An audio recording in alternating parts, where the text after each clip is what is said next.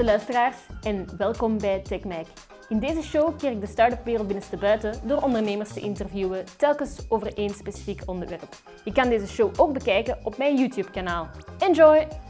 Vandaag is dat Lessen in Legal, juridisch advies voor jouw start-up met niemand minder dan Matthias Dobbelaar-Welvaart van de Juristen. Hallo Matthias. Dag Marleen. Welkom. Doe eens de pitch van de Juristen. Oei, oei, de pitch. Ik denk dat onze missie uh, onveranderd is gebleven in de laatste acht jaar. Ik denk dat we een klein tien jaar bezig zijn met de juristen en dat is eigenlijk op een andere manier naar het recht kijken. Om het recht modern voor te stellen.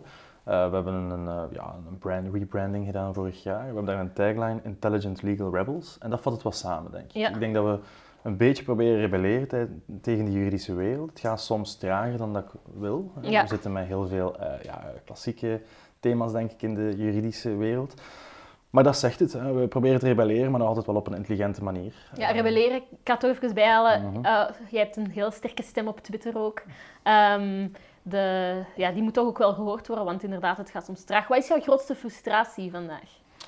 Ik denk, bedoel je legal geweest Ja. in de juridische sector? Ik denk dat de grootste frustratie is dat ehm, wij niet kunnen samenwerken met advocatenkantoren. Dus Ja. dat advocatenkantoren eigenlijk wel een poging doen om eh, innovatief te werken en een poging doen om zich aan te sluiten bij de legal tech wereld. Maar je merkt dat heel veel actoren nog in die wereld, laten we zeggen de iets oudere actoren, daar helemaal niet voor openstaan. Dus Ja. ik denk, mocht er, ehm, mochten die mensen, mocht de advocatuur zich kunnen ontplooien en samenwerken met consultants of met legal tech startups, dat uiteindelijk voor de burger of voor het bedrijf of voor de klant zelf het, het een stuk beter zou worden. Een stuk Ja. goedkoper natuurlijk ook, maar ook vooral veel transparanter en een beetje uit die ivoren toren komen. Ja, dat dat een frustratie is. De tweede frustratie is te weinig data. Dus bijvoorbeeld in Nederland worden heel veel rechtspraken gepubliceerd.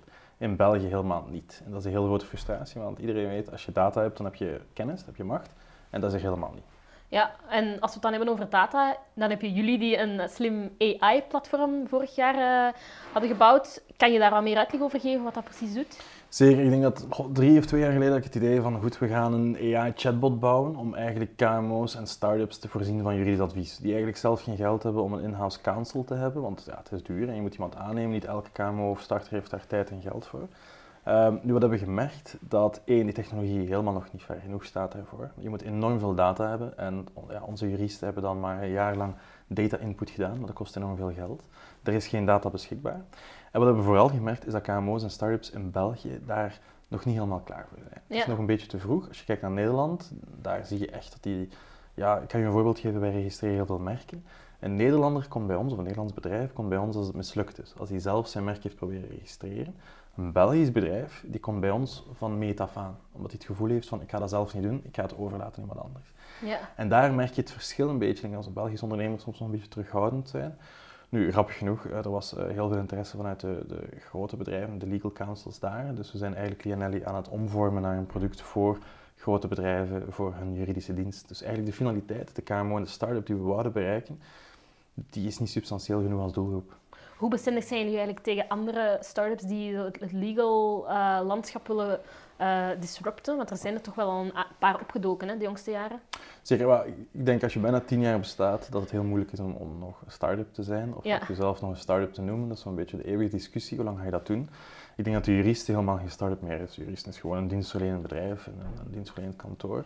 Maar we proberen wel vanuit bijvoorbeeld Lianelli of kleinere producten daar toch een beetje een tech start-up van te maken. Ja. Of daar toch een zijlijn in te creëren. Maar ik denk dat het alleen maar goed nieuws is, want uh, toen ik begon, acht jaar geleden, advocatenkantoor hadden geen website, die hadden geen branding, die, hadden geen, die deden helemaal niet aan online advertising, dat, dat werd niet gedaan. Ja. Dus ik denk, hoe meer concurrentie dat er op die markt komt, en dan vooral slimme concurrentie, hoe beter. Ik Ja. Dus ik juich dat echt toe, die legal tech startups. Ik hoop gewoon dat die samenwerking tussen al die juridische actoren, dat dat eindelijk hier in orde komt, zodat bedrijven daar ook iets meer uithalen, want dat Ja. is op dit moment niet het geval. En als we kijken naar die, eh, de juridische veranderingen afgelopen jaren, mag maanden zijn, er zijn er toch wel heel wat die het landschap ook grondig door elkaar hebben geschud. Ehm, de GDPR alleen al. Ehm, wat moeten start-ups of ondernemers vandaag vooral weten over die ontwikkelingen en evoluties? Ik denk dat het een heel goed idee is als je een start-up eh, hebt of je wil een opzetten, is sowieso een adviesraad te hebben. Ja. Eh, dat, dat is een van de, de logische stappen. Maar in die adviesraad zou er eigenlijk ook iemand moeten zitten met juridische kennis. Want Ja. heel veel, ik zie heel veel ondernemers proberen en ja, laten we eerlijk zijn, legal of het juridische facet is niet de prioriteit. De Nee. prioriteit is, is, een, is een productizing, is, is ga zorgen voor eventueel voor een goed businessplan, is zo snel mogelijk revenue gaan halen. Het probleem is dat heel veel start-ups dan later in de problemen komen en dan wel veel geld moeten betalen, omdat je in het begin uh, geen jurist of geen advocaat hebt betrokken. De GDPR is één facet. De GDPR heeft heel veel, uh, ja, ik noem het geen scheet in de fles. Het is een heel belangrijke wetswijziging, maar we hadden al een privacywet in 92, die werd gewoon niet gevolgd. De GDPR is gewoon een eenmaking. En ik weet dat journalisten en, en, bedrijven nu denken van oei, we hebben nu eindelijk een privacywet, maar die bestond al heel, heel lang. Um, is dat gewoon een PR-praatje? Het feit dat er nu zoveel ophef rond is ontstaan, is dat dan een beetje een PR-praatje? Ik denk dat mensen eh, een stuk bang gemaakt zijn door consultants, door juristen, door advocaten. Ik denk dat je natuurlijk um, het niet altijd makkelijk is uh, voor een jurist of een advocaat om een klant te overtuigen van de noodzaak. En als er in de GDPR dan staat dat je heel zware boetes kunt krijgen als je de privacy overtreedt, ja, dan heb je opeens een argument om te zeggen je moet hierin investeren. Maar ik denk dat het heel veel afhangt van de ingesteldheid van de bedrijfsleider, of van het management, of van de CEO, of van de founder, wat dan ook. Uh, je komt mensen tegen die zeggen privacy is voor mij niet belangrijk. En ik denk dat dat ook doorcijpelt in het bedrijf. En je mag dan wel GDPR-compliant zijn, je mag dan wel 10.000 euro gegeven hebben aan GDPR. Maar uiteindelijk privacy betekent dat je overal in je bedrijf, elke collega dat je hebt, maar zeker ook de founder of het management, daar het belang van inziet. En dat is op dit moment niet zo. Als je aan Mark Zuckerberg vraagt, een paar jaar geleden, hij zegt dat niet meer dan zegt hij, ja, privacy voor mij is er voorbijgestreefd. Die durft dat nu niet meer, want hij is te veel, hij is te veel, uh, ja, heeft te veel onder zijn voeten gekregen.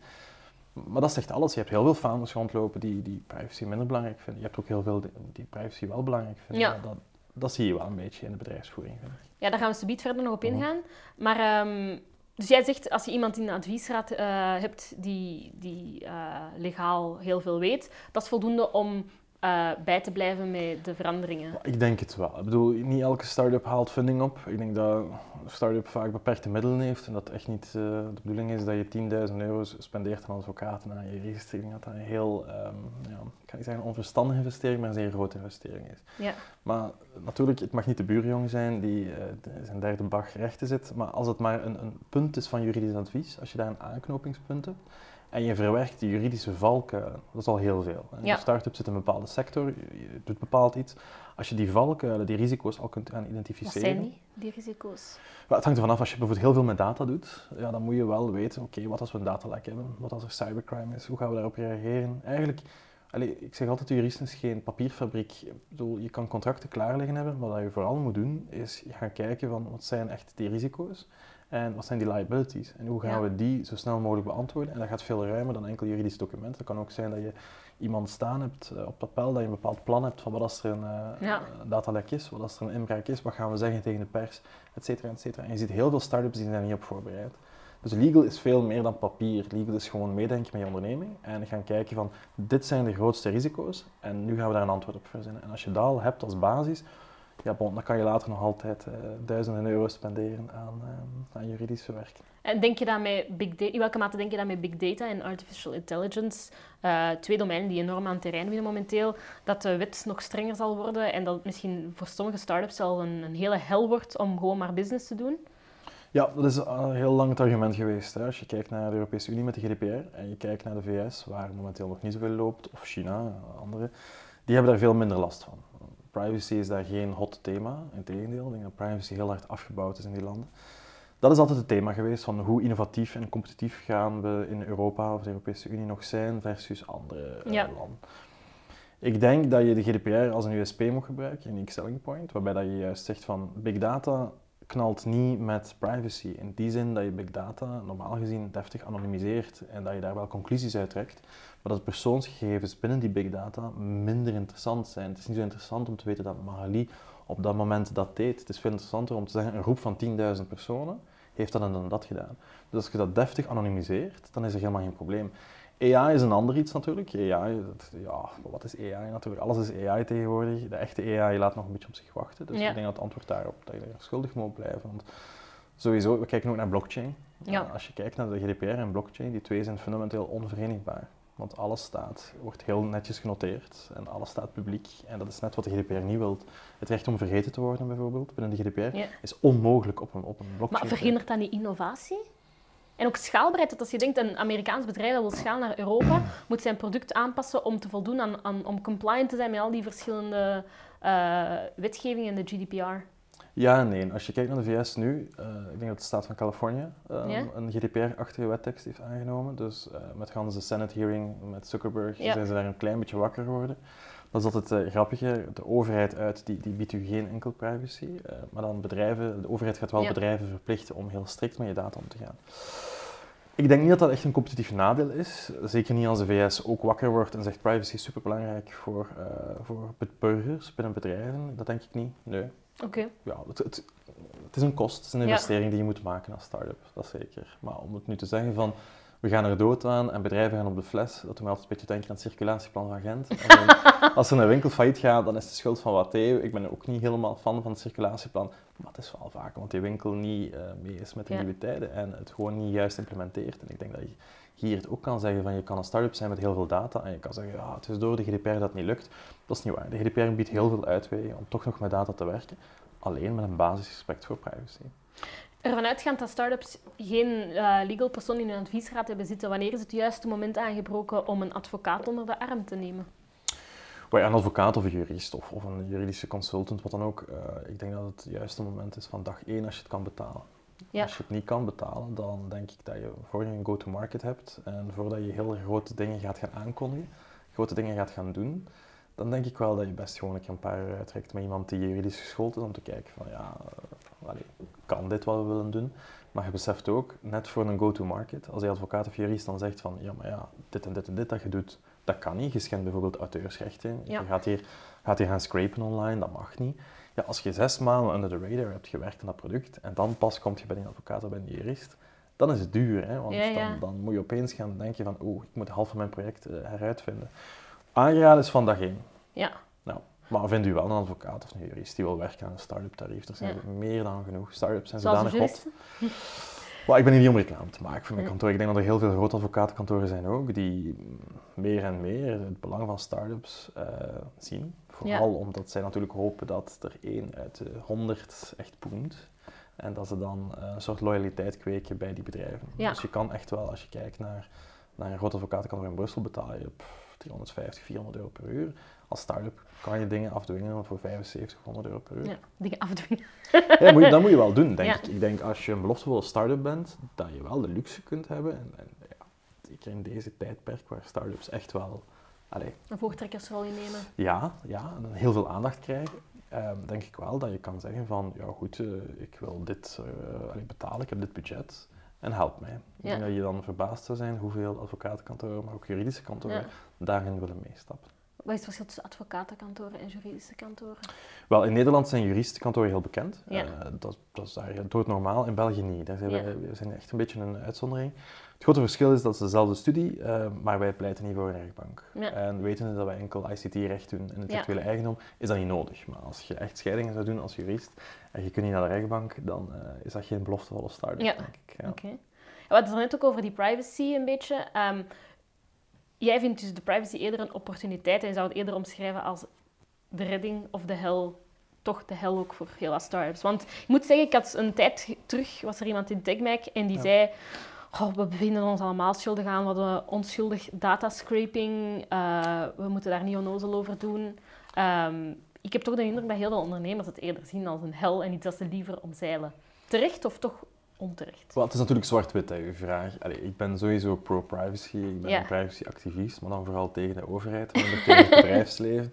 Ik vind als je Facebook gebruikt en de mensen hebben daar zo'n heisa over, ja, Ja. Als, het, als het gratis is, dan moet je toch ergens nog wel weten dat ze je data gaan gebruiken. Ehm, ik denk dat het voor sommige ondernemers zeker een hassle is. Ja. Ja, absoluut. Ik, ben, het is ook voor, ik heb ook een eigen bedrijf. Wij moeten Ja. ook GDPR-compliant zijn. Wij zien het ook. Eh, het is alleen zo dat er heel veel verkeerd advies op de markt is gekomen. Bijvoorbeeld al die e-mails die je kreeg Ja. voor de GDPR, van je moet eh, akkoord gaan, je moet dit doen, dat was allemaal niet nodig. Ja. In heel veel gevallen was dat gewoon niet nodig. Dus ik denk dat er vooral heel veel advies is, en dat zij natuurlijk heel veel kosten moeten maken, die bedrijven. Waarbij dat ze nu zoiets hebben van, was het echt wel nodig? Want Ja. je moet eens aan bedrijven vragen hoeveel verzoeken ze nu al gekregen hebben om vergeten te worden. Dat zijn er misschien twee, drie Ja. maximum. Dus veel ondernemers voelen het van, het is een heel zware investering en ik haal er eigenlijk niks uit, wat dat waar is. Als je een product bouwt en je, je betaalt een dev of een developer en dan krijg je iets terug, maar je betaalt de jurist en je krijgt eigenlijk je krijgt een soort eh, verzekeringsman over. Dat Ja. is het. Wij zijn eigenlijk verzekeringsmakelaars. Wij zorgen ervoor dat je dat dat een bepaalde zorg wegneemt. Maar je- de meerwaarde die juristen en advocaten bieden is, is, ik denk de grootste meerwaarde is echt risico's gaan bekijken. Ja. En dat is meer dan de GDPR, is echt gewoon gaan zorgen van, we willen niet dat je binnen vijf jaar in een probleem komt. En ik denk dat dat de grootste meerwaarde is. Maar ja, laten we eerlijk zijn, die juridische, juridische documenten, ja, daar word je niet bang van. Nee. Ondernemers worden daar niet blij van, van dat te krijgen. Maar ik vind het vooral moeilijk om te, te bepalen eh, wat is privacy nu eigenlijk. Want een tijd geleden was het een hele eh hitse rond de vingerafdruk op de identiteitskaart. Ehm, maar ergens heb ik ook zoiets van, ik ben voor alle duidelijkheid geen voorstander, maar ergens heb ik ook zoiets van, hoe bezorgd of hoe hypocriet zijn we om onze privacy? Want kijk naar hoe dat we omgaan met onze iPhone, Siri. Ehm, ik heb ook al echt meegemaakt dat ik zeker weet dat ik word afgeluisterd, omdat Ja. ik krijg hier babbel over een douchekraan en, en nog geen vijf minuten later krijg ik een advertentie voor Ja. kranen te zien. Ehm, vind jij niet een beetje hypocriet allemaal? Ehm, ja en nee. Als je op sociale media zit, dat is geen verplichting. Ja. Dus niemand hoeft op Facebook te zitten, je hoeft niet op Twitter te zitten, je hoeft niet op LinkedIn. Ik doe het ook allemaal. Ja, Ehm, maar dat is geen verplichting. Ik zou even goed kunnen zeggen van ik zit helemaal op niks en ik ga enkel eh, mijn bedrijf leiden. Dat, zou misschien, eh, dat is altijd een goed productief idee, denk ik, om geen sociale media te hebben. Maar je kiest daarvoor, je zit daarop. En nu, als, je het gaat over, als het gaat over de overheid en vingerafdrukken, ja, daar kiezen wij niet voor. Wij hebben daar geen keuze voor, dus dan moet je wel echt gaan afvragen van hoe proportioneel is het? Hè? Hoe nodig is het dat we allemaal met onze vingerafdruk op die kaart staan? Ja. Als je dan ziet dat Jan Bon zegt van ja goed, er zijn 500, 600 gevallen van identiteitsfraude, dan moet 11 miljoen Belgen bij wijze van spreken zijn of haar vingerafdruk geven voor die honderden gevallen. Ja, wij geven heel veel weg op sociale media. En ja, wij gaan daar soms heel naïef mee om. Eh, als ik zie de heisa rond de vingerafdruk, dan denk ik ook eens van, ja, zit je achter een VPN? Als je surft, eh, beveilig je jezelf. Ik surf altijd achter een VPN, mobiel en computer. Dat zorgt ervoor dat Telenet of Belgacom niet kan zien wat ik aan het doen ben op internet. Ehm, ik denk dat er...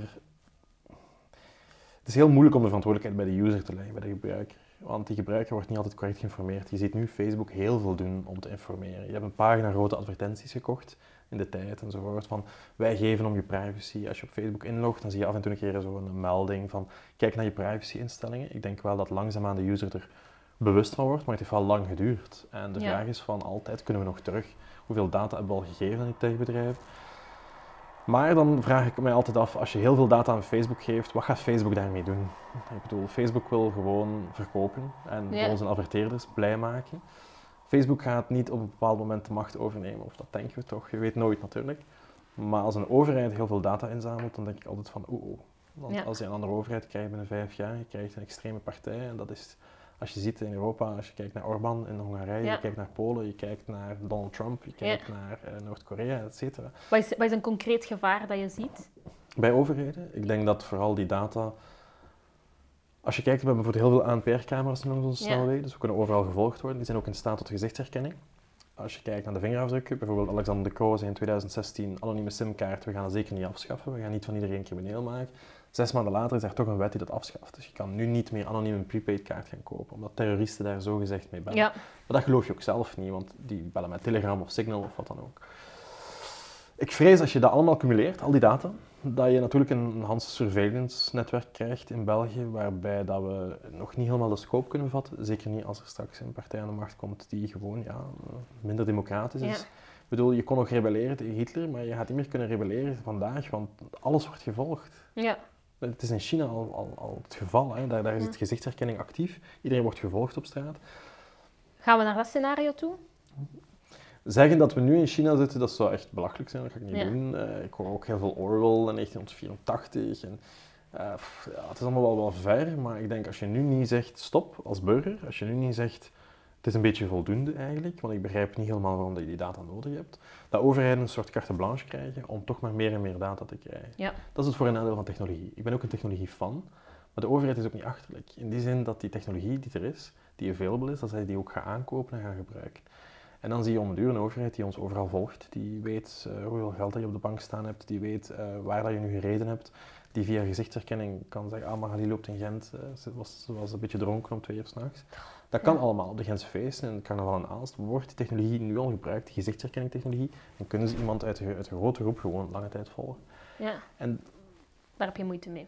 Ik denk het wel. Ik denk, Ja. ik denk dat je geen probleem hebt. Ik denk dat niemand een probleem heeft om criminelen te volgen. Iemand die verdacht wordt, of een onderzoeksrechter die verdacht wordt, of iemand die een strafblad heeft en je volgt die via een ANPR-netwerk, dat, dat er daar een camera aanspringt als die passeert, of een gestolen wagen, een gestolen nummerplaat. Daar heeft niemand probleem mee. Die technologie is er, die moet ook gebruikt worden en we mogen niet naïef zijn. Maar dat we allemaal ehm, gezien worden als potentiële criminelen, daar heb ik het vooral heel lastig mee. Ja. Ja, we zijn een beetje afgeweken, maar Ja. toch, sorry. Nee? Terugkomend op eh, die start-ups en ook de eindgebruiker, hoe kunnen we langs beide kanten de nodige bewustwording rond pri- privacy creëren? Ik denk dat er een nieuwe markt aan het ontstaan is en dat is pay for data. Dus als je nu Facebook gebruikt, heb je eigenlijk een heel slechte deal. Het is wel gratis, maar je betaalt. Of als je een Google search doet, dan heb je nog altijd een heel slechte deal gemaakt. Want je geeft heel veel weg en je Ja. krijgt, oké, je krijgt de basis terug. Wat de nieuwe markt is, is dat je eigenlijk gebruikers gaat zien die zeggen van goh, mijn privacy, ik ben daar niet zo fundamenteel eh, ver in aan het gaan, maar ik wil gewoon een reward voor mijn data. En ik wil vooral die data zelf kunnen controleren. En dat vind ik een schitterend idee. Het is niet omdat ik een privacy-activist ben dat iedereen dat is. Mensen Ja. hebben zoiets van, weet je wel, je mocht mijn data hebben, maar het gaat vooral om de controle. Ik heb geen idee wat dat bedrijf daarmee doet en ik krijg ook een slechte deal. Dus ik denk dat een basisrespect tussen startups en users, dat dat gewoon in orde moet zijn. Ja. Dat die start-up geen rare dingen gaat doen met je data. En als ze toch heel ver gaat met de data, dat ze ook wel vraagt aan de users van, kijk, ik ga dit en dit en dit gaan doen met je data. Je kan altijd weg, maar ik ben wel bereid om in ruil voor die data, want ik weet dat die waardevol is, x aantal voordelen te geven. Dat kan korting zijn op, die, op dat product, dat kan eh, financiële tegemoetkoming Ja. zijn, dat kan van alles zijn. Maar dat je een soort wel een value creëert, want die data is heel veel waard. En op dit moment is er geen value. Ja, oké. En hoe zit het eigenlijk met auteursrechten? Waar moeten start-ups aan voldoen? Ja, er is een eh, nieuwe Europese eh, wet in de maak, hè, de, de Copyright Directive heet die. Die is heel strikt, maar die is er voorlopig nog niet, dus eh, allee, die is nog niet actief. Het auteursrecht is eigenlijk heel simpel. In die zin, het is gratis en het is automatisch. Ik geef daar les in ook, hè, dus nu komt de docent naar boven. Ehm, je hoeft daar niks voor te doen en je hebt toch auteursrecht. Dat betekent twee dingen. Eén, alles wat je vindt op internet, dat is van iemand anders. Dus dat mag je niet zomaar gebruiken, daar moet je toestemming voor krijgen. En twee, het is heel moeilijk om te bewijzen dat je auteur bent. Dus als je iets maakt... Dat dan- is dubbelzinnig dan toch? Ja. Ja. Ja. En het is ook tot 70 jaar na je overlijden. Vandaar dat de kinderen, de kinderen van kerstclassics eh zo rijk zijn, omdat één keer per jaar is dat jackpot. 70 jaar tot na de dood van de auteur ook. Ehm, maar daar gaat het eigenlijk een beetje om. Het is bewijsvoering in auteursrecht versus alles wat je vindt op internet is eh, sowieso met auteursrecht. Ja. En dan kan je gaan kijken naar Creative Commons. Dat is een bepaald systeem dat je kan kijken van ik mag dat wel delen, ik mag dat niet delen, ik mag dat gebruiken, maar niet voor commerciële doeleinden. Als je veilig wil spelen, dan zeg ik altijd maak je eigen content. Zorg dat je je eigen fotograaf hebt, zorg dat je je eigen Ja. eh, interviews doet. Zorg Dus als, dat je... als ik zeg van, ik, ik doe social media voor een merk, ehm, en, of ik heb, ik heb een eigen start-up en ik zie dat er iemand met mijn product op Instagram staat en ik pak die foto en ik vermeld de gebruiker, dat is niet voldoende. Ik moet ook expliciet toestemming vragen. Ja, dat is, dat is iets... En ik zeg altijd Google Images, dat, dat lijkt wel een gratis databank. Dat is het niet. In Instagram is het Ja. zeker ook niet. Die auteur en die fotograaf die die, eh, die foto maakt, die heeft er een bepaalde input in gestoken. Al is het maar een filter Ja. van VSCO of met de helderheid gespeeld. Of ze heeft een bepaalde ooghoek gemaakt. Ik bedoel, fotografen, ja, dat is, nog allemaal, dat is nu eenmaal ook nog altijd een job. Eh, ik weet dat we allemaal denken dat we fotograaf zijn, maar in ieder geval, wat we ook doen op Instagram, dat heeft auteursrecht. En Ja. dan moet je inderdaad effectief gaan vragen van, mag ik die foto gebruiken? En het komt echt heel veel voor dat dat niet gebeurt, dat dat in nieuws verschijnt enzovoort, of in kranten, en dat je dan de auteurs krijgt die zegt tegen de krant van, ola, ik wil dat niet. Ja. Ik heb er natuurlijk ook bij die zeggen, dat is, dat is voor mij leuk. Je hebt twee richtingen daarin. Je hebt mensen die zeggen dat is een compliment, en mensen zeggen dat is diefstal. Oké, Dat hangt een beetje af ik ben de eerste. Compliment? Ja. Ja, dat is de grote minderheid. Ik vraag daar af en toe in mijn lessen ook De van... meerderheid of de minderheid? minderheid. Minderheid, ja. Ik vraag af en toe in mijn lessen ook van, eh, ja, vinden jullie dat diefstal of niet? En dan zie je een heel kleine groep die zegt van, goh, ik vind dat een compliment. Maar de meesten beschouwen dat als een soort, ja, eh, je vergelijken met eh, iets uit je huis gaan halen. Hè. Uiteindelijk, het is wel je werk. Het mag dan digitaal zijn, maar je hebt nog altijd rechten daarop. Laten we het eens even hebben over investeringen en kapitaalrondes. Yes. Wat moeten start-ups weten op juridisch vlak vooraleer dat ze daaraan beginnen? Maar dat is natuurlijk financieel recht of fintech. Dat is niet helemaal mijn ding natuurlijk. Ik ben meer de ICT-rechtman. Maar ik denk als je... De fundingwereld is een zeer vreemde wereld. Wij zitten daar ook een klein beetje in. We hebben ook een investeerder. We hebben ook gezocht naar eh, Series A of Series B. Ehm, het is een heel vreemde wereld, waar dat je wel best voorbereid bent. Want Ja. je hebt maar, allee, maar één shot meestal. Eh dat hangt heel veel samen. Het hangt af met de charisma van de founder. Het hangt af hoe goed dat hij die pitch kan brengen. Eh, maar het hangt ook af van een goed businessplan en een goed Ja. financieel plan. De tijd dat je bij een, eh, een VC kon langskomen en zeggen van ik heb een top idee, maar ik heb nog helemaal niks, maar het gaat lukken, want ik ben de max.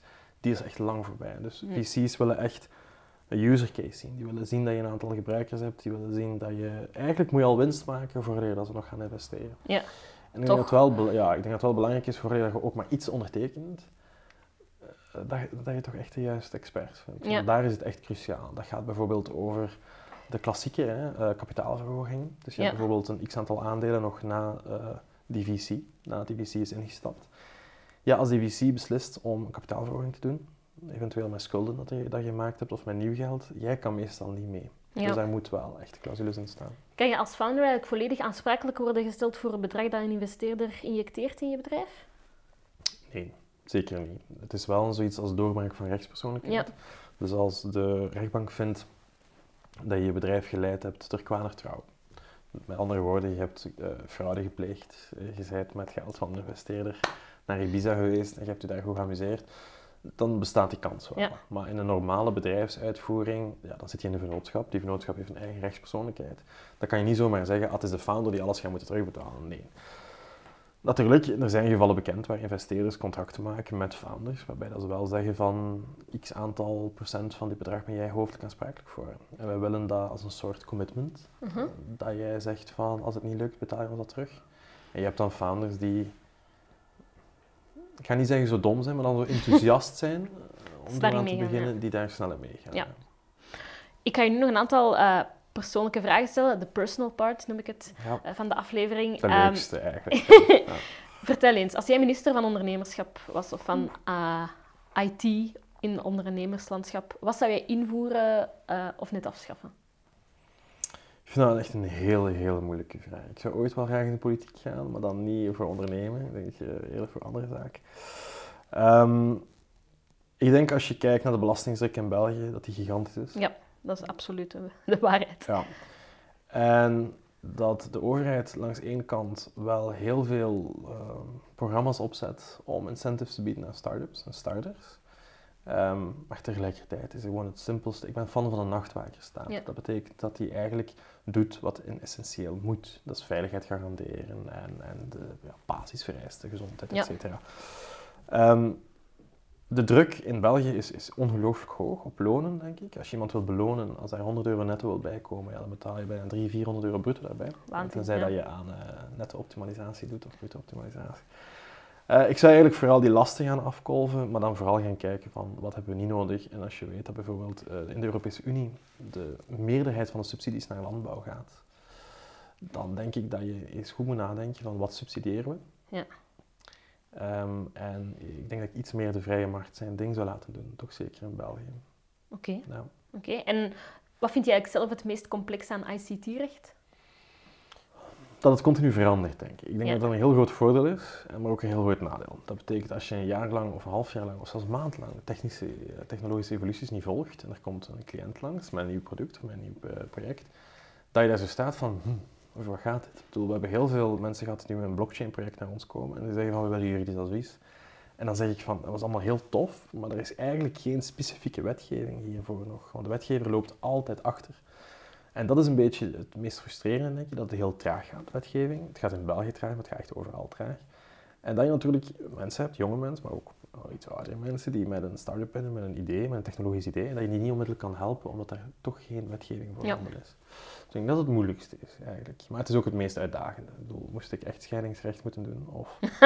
ehm, ik zou eh, het stilletjes aan sterven, denk ik, van binnen, als er zo, ja. En tot slot, eh, als gezicht van de juristen, ik, had, ik zei het er net al hè, op Twitter, eh je krijgt ook heel veel dingen naar je hoofd gegooid. Hoe ga je daarmee om? Hoe laat je dat niet te dichtbij komen? Wel, ik denk dat je dat vooral jezelf aandoet. Ik ben er redelijk fair in. Ik, bedoel, ik kan ook zwijgen.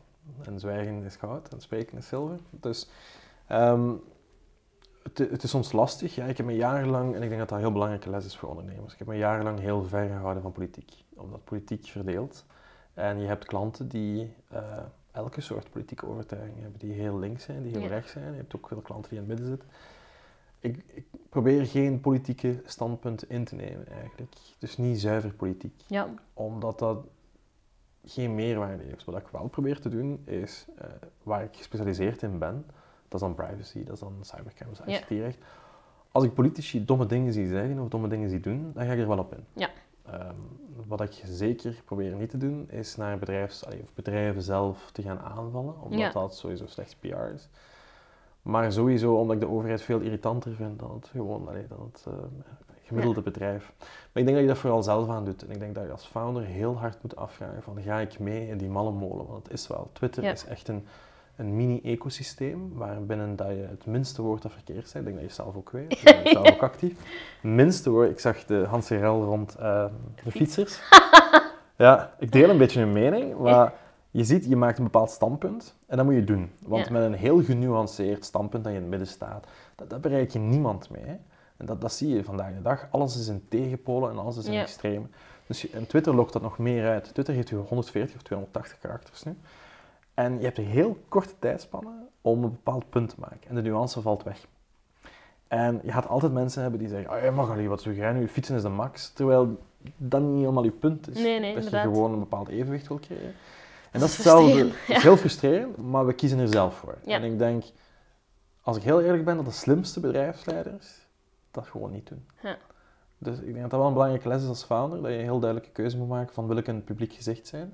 Wil ik ook een publieke impact hebben? Het probleem voor mij is, als ik moet zwijgen, dat ik ook stilletjes aan binnenin ga sterven. Ja. Als ik, eh, omdat ik het gevoel heb van, het wordt niet altijd, of het land of, of wat dan ook, wordt niet gerund, altijd met de basisrespect dat ik wil. Eh, Bijvoorbeeld is voor Dat privacy kijf, ja. ja, of voor andere dingen. Dus dan denk ik van, iemand moet opspreken. Ja. Maar er zijn er nu wel voldoende die, die willen spreken. Maar ik denk dat je, als iedereen zegt van, goh, ik, ik, ga, ik durf niks meer zeggen, dat je een heel triestige maatschappij terechtkomt. Maar je doet wel jezelf aan.